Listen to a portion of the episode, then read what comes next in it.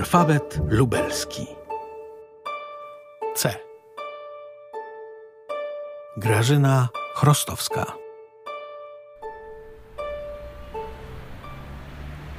Między ulicą a torami kolejowymi na skwerze Grażyny Chrostowskiej.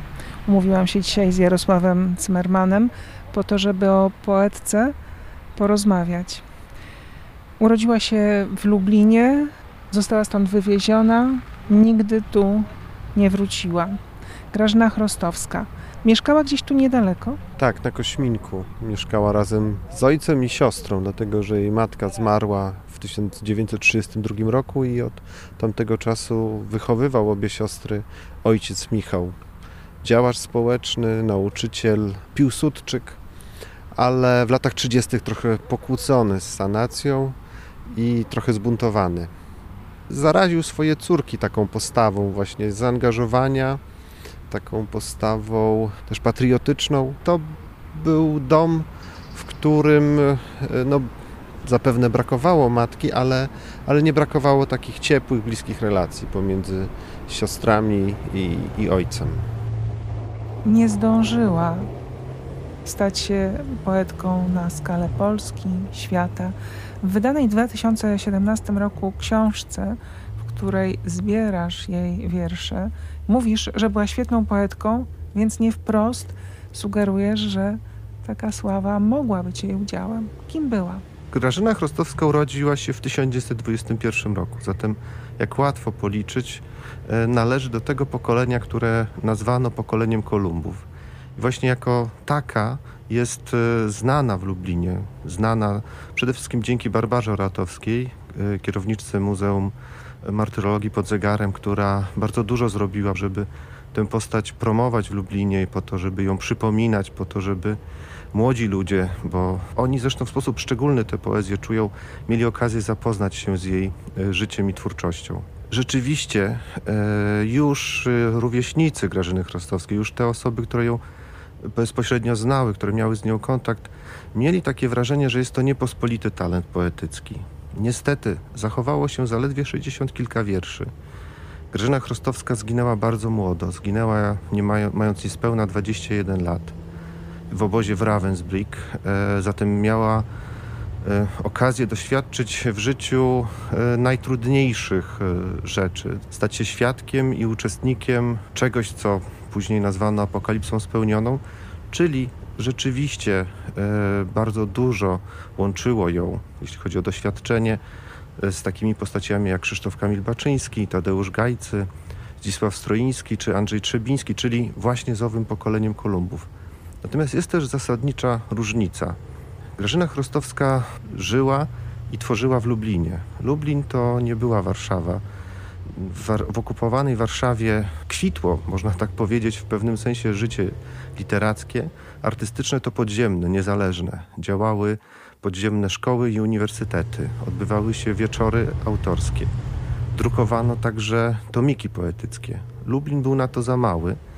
W Lublinie takie rzeczy działy się bardzo, bardzo rzadko a jeśli nawet no, Grażyna Chrostowska w nich nie uczestniczyła. Co jest zatem bardzo ciekawe, Grażyna Chrostowska nie miała środowiska, takiego środowiska, które mogłoby jej pomóc e, w rozwijaniu talentu. Oczywiście miała koleżanki, miała koleżanki, przyjaciółki dobrze wykształcone, bo to były absolwentki e, najlepszych lubelskich szkół, czasem młode studentki. Także w Ravensbrück dosyć szybko kobiety i dziewczyny, które tam trafiły, zorganizowały sobie rodzaj takich samokształceniowych kółek, ale poza tym nie było mm, innych form jakiegoś takiego wchodzenia w relacje z tym, co się e, działo w życiu literackim Polski. I pomimo tego, to jest bardzo ciekawe, pomimo tego, Grażyna Chrostowska znalazła swój własny, oryginalny język poetycki, swój własny, oryginalny sposób wyrażenia tej rzeczywistości, w której się znalazła. Co więcej, ja mam wrażenie, czytając jej wiersze, że ona jakby także wyprzedziła swoją epokę, jeśli chodzi o język poetycki, ponieważ w bardzo podobny sposób o tych sprawach, o doświadczeniu okupacji pisał na przykład Tadeusz Różewicz, ale już kilka lat po zakończeniu wojny. To jest uderzające podobieństwo. W poezji Grażyny Chrostowskiej widać wyraźnie tę drogę, zwłaszcza jeśli się ją przeczyta w całości, nie jest to zbyt trudne, bo tak jak mówiłem, to jest zaledwie 60 kilka wierszy. To zobaczymy, jak ona dochodziła do tego sposobu wyrażania tej okrutnej rzeczywistości, w której się znalazła, jak ona stopniowo ograniczała jakieś takie elementy sentymentalne, jakieś takie ozdobniki językowe, stylistyczne, dochodząc do takiego bardzo prostego, by nie powiedzieć nagiego sposobu wyrażenia najbardziej traumatycznych doświadczeń. Natomiast co jest jeszcze ciekawe, to nie przeszkadza, jeśli czytamy te wiersze, e, jednocześnie w kontakcie z taką kobiecą i dojrzałą wrażliwością. To jest e, e, naprawdę ciekawe, że mamy z jednej strony taki nagi, brutalny fakt, nagie, brutalne doświadczenie, a z drugiej strony mamy jakiś rodzaj takiej kobiecej czułości, czegoś, co pozwala jakby umieścić także Grażynę Chrostowską w gronie takich poetek, no bo ja wiem, jak Maria Pawlikowska-Jasnorzewska czy Halina Poświatowska, z tym zupełnie inny świat w pewnym sensie. Niemniej jednak to się u nich jakoś łączy. No, Różewicz i te dwie poetki, o których wspomniałem, to wydawać by się mogło są skrajności, a wydaje mi się, że gdzieś pomiędzy tymi dwoma biegunami można tę poezję Chrostowskiej umieścić, oczywiście pamiętając, że ona do tego wszystkiego naprawdę dochodziła sama, tylko i wyłącznie dzięki własnym lekturom, a po tym jak trafiła do więzienia i potem na, e, do obozu koncentracyjnego, to tych lektur nie było także zbyt wiele, bo po prostu mogła, książek w obozach i więzieniach nie było. E, w zasadzie tylko i wyłącznie pamięć jej samej i jej koleżanek. To było to jakby to, ten kontekst literacki, w którym jej wiersze powstawały. Tym bardziej wydaje się być to ciekawe, bo ona zasługuje na swoje miejsce na mapie literackiej polskiej literatury XX wieku i jest to naprawdę miejsce szczególne, bo łączyła, pomimo, przypomnę, bardzo, bardzo młodego wieku, łączyła naprawdę bardzo różne y, języki poetyckie. Można sobie tylko wyobrazić, y, jak dużo miejsca zajmowałyby na półce tomy wierszy Grażyny Chrostowskiej, a kto wie, być może nie tylko wierszy, być może jej twórcza aktywność poszłaby także w inne strony, y, gdyby nie to, że została rozstrzelana w Ravensbrück i gdyby nie to, że ta zasadnicza część jej twórczości przypada na czas wojny, o którym mówisz. Ale cofnijmy się nieco, bo młodziutka dziewczyna wchodzi w świat, zanim wybucha e, wojna, w ciekawym jednak środowisku literackim. Ma siostrę. To prawda. Jej starsza siostra Polonia, nazywana Polą, e, była jedną z redaktorek e, czasopisma W Słońce. To było czasopismo, które w 1928 roku założył Józef Łobodowski, ale które swój rozkwit przeżywało w ostatnich latach przed wybuchem II wojny światowej. To było czasopismo wydawane przez e, środowisko lubelskiej młodzieży. Bardzo dużo tam było tematyki literackiej i artystycznej. Z tym czasopismem związana była m.in. Julia Hartwig, która tam jako Julia Hartwiżanka debiutowała. Także Jerzy Pleśniarowicz także Anna Kamieńska. Zatem to środowisko takiego trzeciego pokolenia lubelskiej awangardy, jak można w pewnym przybliżeniu i skrócie nazwać e, tę grupę, e, było najbliższe Grażynie Chrostowskiej.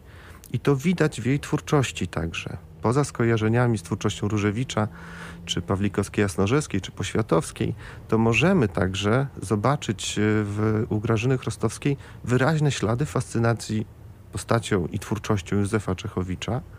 Nawet w wierszu Wracam co dzień jest takie dosłowne odniesienie do fragmentu wiersza otwierającego poemat o mieście e, Lublinie. E, także ważną postacią dla tej młodej e, lubelskiej poezji tuż przed wojną był Józef Łobodowski i jego katastrofizm, także przecież obecny w twórczości Czechowicza. U Grażyny Chrostowskiej również można te wszystkie elementy odnaleźć. Także można znaleźć, co jest ciekawe, takie echa tej takiej awangardy z lat dwudziestych, z jej fascynacją cywilizacją techniczną, z tym, że ona posługując się już takimi kliszami, wówczas już dosyć mocno y, wyeksploatowanymi, jak na przykład y, kolej żelazna, pociąg, ona wyraźnie umieszcza to już w kontekście tego, co ją spotkało, czyli y, z obozów, wywózki, tej apokalipsy spełnionej. Bardzo ciekawą rzeczą jest, jeśli się przyjrzymy y, motywowi kolei pociągów w twórczości y, Grażyny Chrostowskiej. Ona wychowała się i mieszkała na Kośminku, zatem bardzo blisko dworca. Jeśli przeczytamy jej wiersze i zobaczymy te wszystkie wątki związane z dworcem i koleją, to one pojawiają się w takim niepokojącym kontekście. Mm, To był też element doświadczenia jej i siostry Poli. One już zaraz na samym y, początku okupacji, w zasadzie jeszcze w czasie trwania y, wojny y, obronnej 1939 roku, zostały za sprawą ojca włączone w struktury jednej z pierwszych organizacji konspiracyjnych Komendy Obrońców Polski. I jako emisariuszki tej, tej organizacji jeździły dosyć często e, z biuletynami drukowanymi e, w podziemiu, z biuletynami do Warszawy. No i w trakcie jednej z takich podróży właśnie Pola trafiła do więzienia. Odbywały tę podróż pociągiem. Pola trafia Tak. do więzienia, jest y, mm, pod zegarem. Tam przychodzą odwiedzić ją Grażyna Chrostowska razem z ojcem i też zostają y, aresztowani. Siostry do Ravensbrück wyjeżdżają też pociągiem. Tak. Wyjeżdżają razem. Jadą też w specyficznych warunkach, bo jechały pociągiem takim zwykłym, pasażerskim. To nie były bydlęce wagony, tylko normalne pociągi z przedziałami. Zresztą im podróż y, do obozu wydawała się no, jakimś takim wybawieniem, pomimo iż jechały tam z wyrokami śmierci, bo zostały skazane na wyrok śmierci. Ale tu w Lublinie w więzieniu miały straszne warunki. Każdy, kto odwiedził Muzeum pod Zegarem, może zobaczyć, jak wyglądały te cele. E, Na zamku e, nie było lepiej, o ile, o ile nie gorzej. Te młode dziewczyny z takich e, inteligenckich, dobrych domów trafiały do, nie dość, że trafiały do katowni, to jeszcze w środowisko przestępczyń, prostytutek, które tam miały więcej do powiedzenia niż one.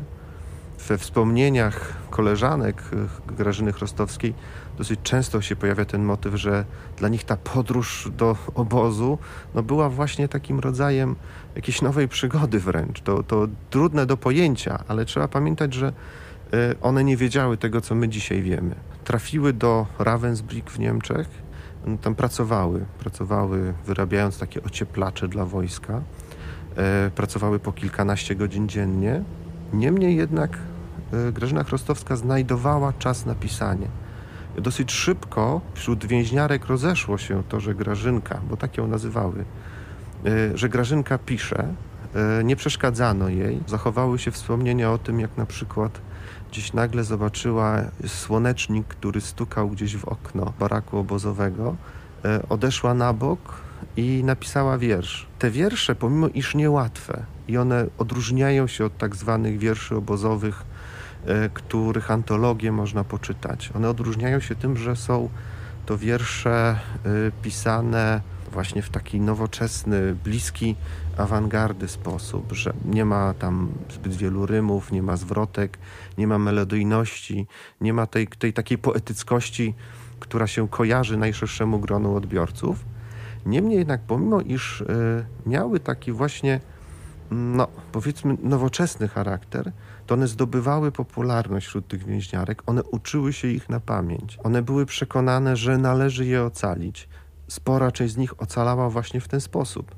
Bo o ile mamy rękopisy Grażyny Chrostowskiej tutaj z, z zamku, bo w formie grypsów one wy, były wynoszone e, poza zamek przez e, bliskie Grażynie osoby, no to tam e, rękopisów jako takich Grażyny Chrostowskiej z Ravensbrück nie znamy. Natomiast jej przyjaciółki uczyły się ich na pamięć, a kiedy były przekonane, że one także mogą zginąć, to spisały jej wiersze i nie tylko jej, też innych, y, innych dziewcząt, które tam pisały i poprosiły więźniów z pobliskiego obozu dla mężczyzn, aby w specjalnym słoju wynieśli poza obóz i zakopali w lesie.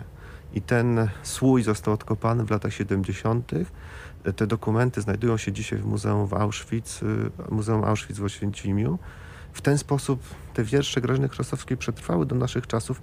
Zatem jest to także taki bardzo ciekawy przypadek, jeśli chodzi o pokazanie tego, czym może być poezja. Także w jaki sposób ona jest przekazywana w takich nieludzkich, nienormalnych, niezwykłych czasach, że ona naprawdę też staje się ważna, że w tym doświadczeniu obozowym te dziewczyny, które na co dzień żyły czymś zupełnie innym, kiedy nadeszły te najtrudniejsze, najbardziej traumatyczne doświadczenia, to okazało się, że ta wysublimowana, nieoczywista, trudna poezja jest najlepsza do tego, żeby wyrazić to, co czuły, to, co przeżyły.